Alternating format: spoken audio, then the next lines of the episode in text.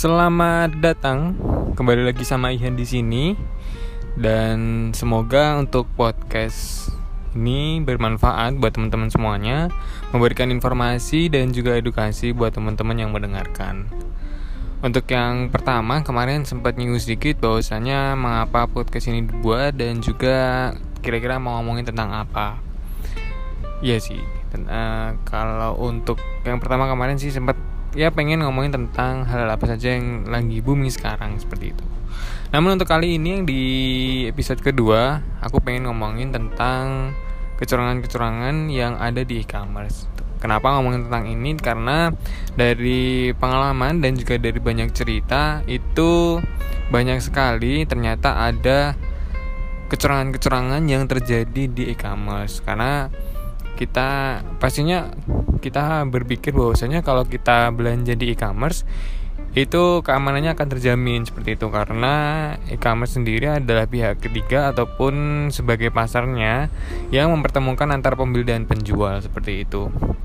Namun ternyata juga masih ada kecurangan-kecurangan di dalamnya seperti itu. Nah, apakah kecurangan ini itu berasal dari e-commerce-nya atau berasal dari salah satu pihaknya?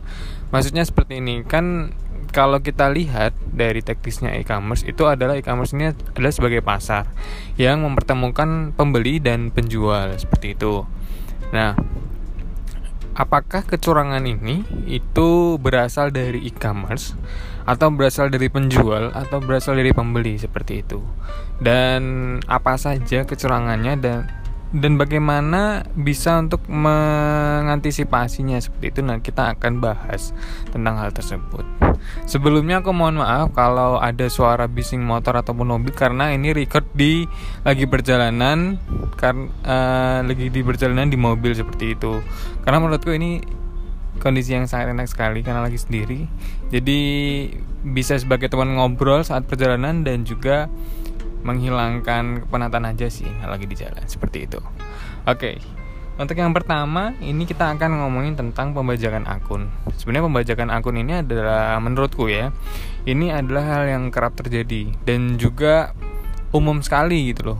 Kenapa umum sekali? Maksudnya pembajakan akun ini nggak cuman ada di um, online shop, tapi juga ada di ada di kecurangan-kecurangan lain. Contohnya pembajakan akun untuk sosial media pembajakan akun uh, akun-akun lain gitu. Seperti akun Facebook akun Instagram dan sebagainya gitu. Nah kalau teman-teman punya akun di e-commerce itu juga bisa menjadi korban pembajakan gitu. Nah kenapa e uh, nah, mohon maaf kenapa akun ini menarik untuk dibajak gitu? Nah jadi untuk teknis uh, transaksi sebelumnya aku jelasin teknis transaksi di e-commerce itu kan ketika pembeli itu melakukan pembelian ya si buyer ini melakukan pembelian dia akan melakukan pembayaran dan pembayaran itu akan masuk terlebih dahulu di e-commerce. Nah setelah itu ketika sellernya sudah melakukan pengiriman barang dan sudah diterima dengan baik ataupun si pembeli sudah konfirmasi ini barang sudah diterima gitu ya sudah diterima itu nanti dananya dari e-commerce akan diteruskan ke si seller seperti itu. Nah, untuk penerusan dana ini itu si uh, si seller akan menerima dalam bentuk saldo di akun e-commerce-nya seperti itu. Nah, maka dari itu kenapa akun ini rawan dibajak? Kemungkinan akan mengambil saldo itu seperti itu. Kalau teman-teman punya saldo di e-commerce-nya, contoh 1 juta, 2 juta ataupun 500 ribuan itu itu juga sangat-sangat berharga gitu loh. Kalau akun teman-teman kebajak, itu nanti saldo yang ada di akun kalian itu bisa diambil oleh si pembajak seperti itu. Jadi nanti untuk pencairannya akan diganti ke rekening pembajak ataupun digunakan untuk pembelian pulsa ataupun top up top up uh, uang elektronik seperti itu. Nah, jadi lebih berhati-hati lagi aja ketika ada orang-orang yang menanyakan mengenai informasi akun kalian seperti itu. Terus juga apa sih uh, yang apa hal hal apa yang sekiranya bisa ngebacak akun gitu loh atau kalau teman-teman mau lihat ciri-cirinya at, uh, atau juga gimana mengantisip mengantisipasinya? Itu sebenarnya gampang. Pertama gini teman-teman harus curiga ketika ada orang yang menanyakan mengenai data pribadi. Seperti itu. Kayak email terus juga nomor telepon dan juga password. Seperti itu. Namun tidak menutup kemungkinan dari customer service asli itu akan menanyakan hal tersebut. Ya. Tapi yang lebih ditekankan lagi adalah customer service asli dari e-commerce ataupun dari uh, apa akun-akun yang resmi. Maksudnya kayak contohnya kalian pakai e-commerce Tokopedia atau teman-teman pakai Bukalapak atau teman-teman pakai Shopee customer service-nya kemungkinan memang akan menanyakan email dan nomor telepon untuk verifikasi data kalian. Namun dia tidak akan menanyakan 5 digit verifikasi data seperti itu. Karena itu hal yang rahasia seperti itu.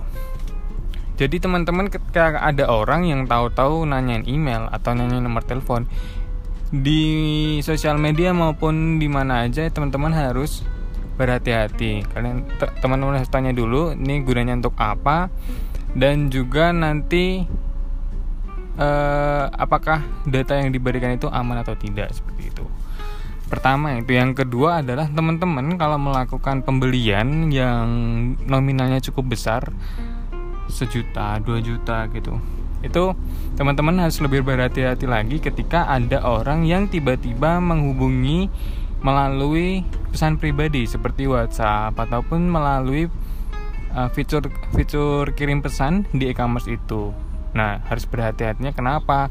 Ketika orang itu meminta data tadi ataupun dia meminta untuk klik satu link untuk aktivasi asuransi atau untuk mengaktifasi kode promo, kode diskon. Nah, itu teman-teman harus lebih berhati-hati lagi.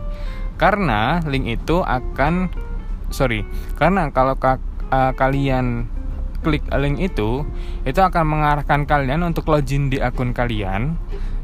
Namun si pembajak ini atau si uh, user yang mengirimkan tadi dia bisa merekam aktivitas aktivitas kalian gitu dari link itu. Jadi ketika kalian masuk masuk di akun kalian menggunakan link itu si pembajak ini bisa merekam aktivitas kalian sehingga akun kalian akan diambil alih oleh pembajak itu. Nah ketika si pembajak ini bisa mengambil alih akun kalian untuk pertama kali, dia pertama kali kemungkinan akan mengganti password ataupun mengganti nomor telepon atau email. Kenapa? Agar kalian nggak bisa akses akun kalian lagi seperti itu. Ketika mereka sudah mengganti itu, mereka akan menggunakan kalau saldo, kalau di akun kalian ada saldo, mereka pasti akan menggunakan saldo kalian untuk melakukan pembelian pulsa, melakukan pembelian melakukan pembelian atau top up uh, uang elektronik ataupun langsung dicairkan ke saldo rekening seperti itu. Namun kemungkinan besar untuk pencair maaf untuk untuk saldo ini biasanya digunakan untuk pembelian seperti pulsa, paket data ataupun top up uang elektronik gitu. Karena kalau melak apabila melakukan pencairan itu kan nomor rekening bisa dilacak. Nah sehingga sangat-sangat riskan sekali untuk pembajak memberikan nomor rekening untuk pencairan karena nanti bisa dilacak dan bisa dilaporkan uh, seperti itu. Dan maka dari itu teman-teman harus berhati-hati ketika ada ketika teman-teman melakukan pembelian dengan nominal yang cukup besar dan tahu-tahu ada yang menghubungi kalian melalui fitur kirim pesan. Nah itu mohon untuk di uh, perhatikan lagi atau lebih aware lagi seperti itu. Selanjutnya selain uh, link phishing teman-teman juga harus berhati-hati mengenai kode OTP kode OTP ini adalah kode verifikasi yang biasanya dikirimkan ketika teman-teman itu login di akun kalian seperti itu di mana pun ataupun di di e-commerce mana pun atau kalian punya akun mana pun kalau ada kode OTP yang dikirimkan pasti ada tulisannya bahwasannya kode ini kode rahasia dan jangan diberikan kepada siapa pun termasuk pihak dari e-commerce tersebut seperti itu karena itu bersifat rahasia. Nah, itulah yang harus disadari ataupun itu yang harus diperhatikan kembali karena banyak sekali pembajak yang bilang kepada user, silahkan untuk kirimkan kode verifikasinya, silahkan untuk kirimkan kode asuransinya. Padahal itu adalah kode OTP yang nantinya bisa untuk melakukan pembajakan atau bisa untuk masuk ke akun kalian seperti itu. Jadi, kalau ada orang-orang yang meminta untuk kode OTP itu atau meminta kode verifikasi itu pokoknya jangan dikasih gitu. Karena ketika kalian memberikan kode OTP atau teman-teman klik link tadi itu merupakan salah satu kesalahan dari kalian karena tidak aware ataupun tidak memperhatikan lagi keaslian atau keabsahan dari si peminta data tersebut seperti itu. Jadi lebih aware lagi. Nah beberapa pengalaman aku pernah lihat itu ada biasanya ada orang yang telepon atau ada orang yang SMS atau ada orang yang WhatsApp. Jadi menghubunginya bisa lewat telepon, bisa lewat WhatsApp ataupun bisa lewat uh, eh, SMS seperti itu. Kalau lewat telepon ada juga yang mereka minta kode OTP. Jadi mereka minta uh, mereka bilang bahwasanya barang tidak akan dikirimkan ketika si uh, buyer itu tidak memberikan 5 kode verifik uh, 5 digit kode verifikasi tersebut. Nah, ketika si buyer itu memberikan ya. Jadi aku lihat itu si akhirnya si buyer memberikan si memberikan memberikan kode verifikasinya itu akan di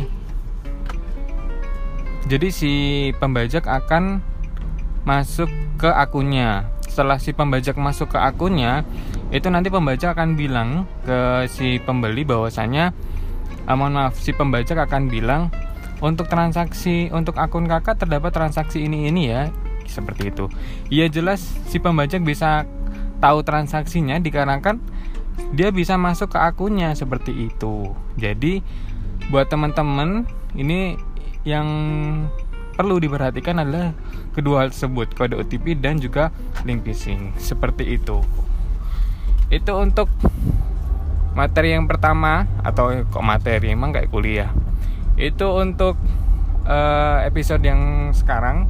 Jadi kalau teman-teman ada pengalaman tentang pembajakan akun ataupun tentang kecurangan di e-commerce, silahkan teman-teman bisa bercerita atau kita sharing pengalaman bisa lewat Instagramku di @mzaihann atau mzaihan double n ya itu sekiranya cukup segini dulu nanti kita akan tambah lagi mengenai pembajakan akun karena juga aku belum banyak uh, dapat referensi maksudnya udah dapat referensi mengenai biasanya kan lihat video di YouTube gitu ya mengenai cara-cara pembajakan akun atau modus-modusnya gitu. Cuman aku belum ngecek lagi nanti aku coba buat cari-cari lagi mengenai modus-modusnya. Tapi yang lebih banyak sih seperti itu modusnya adalah melalui WhatsApp, SMS ataupun telepon. Sekiranya cukup sekian dulu untuk podcast kali ini. Terima kasih atas uh, perhatiannya dan juga terima kasih sudah mendengarkan. Semoga podcast ini memberikan edukasi dan informasi serta bermanfaat buat kalian semua. Terima kasih dan assalamualaikum warahmatullahi wabarakatuh.